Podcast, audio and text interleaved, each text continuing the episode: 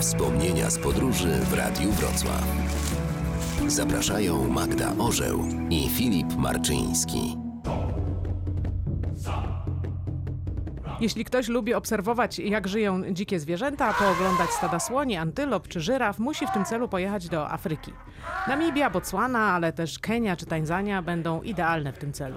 Ale robi się też bardzo ciekawie dla nas, Europejczyków, kiedy zwierzęta, do których nie jesteśmy przyzwyczajeni, mieszają się w miastach z codziennym życiem. To prawda, że w Indiach na przykład można w środku ruchliwej dzielnicy biznesowej spotkać krowy. Nieraz lubią się też rozłożyć na środku autostrady i lepiej bardzo uważać, żeby ich nie potrącić. Zawsze winny jest ostatecznie zachodni turysta. Wiadomo. Nie, krowy w Indiach nie są święte i nie są czczone. Natomiast uważane są za jedne z siedmiu matek człowieka, a ten ma zapewnić im ochronę. Jest to nawet zapisane w Konstytucji. Naprawdę straszno i śmieszno robi się też, gdy do akcji wkraczają małpy. Bardzo je lubimy, ale czasami bywają groźne i to akurat przydarzyło nam się w Malezji.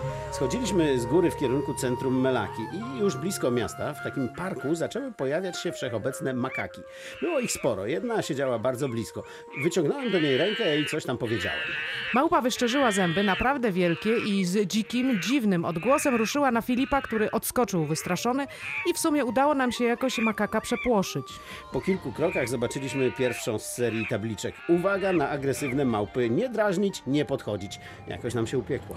Wyjątkowo wredne statko żyje też na Bali, w parku w miasteczku Ubud. Lepiej nie pojawiać się w ich okolicy jedząc cokolwiek, a szczególnie banana. We're in Monkey Forest, Ubud.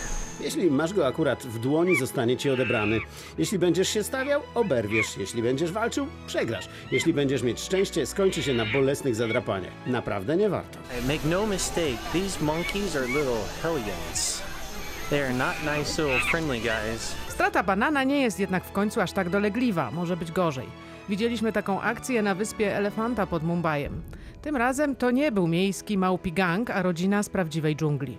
Tamtejsze małpki wychodzą z lasu do miejsc, gdzie przysiadają turyści, żeby się pożywić. Jedna pani jadła chipsy. Makak podskoczył do niej, żeby wyrwać jej torebkę, ale dzielna pani jakąś ją utrzymała. Makak się wkurzył. Natychmiast porwał leżącą obok na murku saszetkę, taką na paszport i pieniądze, ale nie uciekł. Odszedł na kilka kroków. Pani była przerażona i wcale się nie dziwię. Akcji przyglądał się miejscowy przewodnik. Daj mu chipsy, powiedział do turystki. Angielka ostrożnie podeszła i położyła torebkę przed małpą. Ta natychmiast ją porwała, odrzuciła cenną saszetkę i pobiegła na drzewo spokojnie zjeść. Od sztuka negocjacji.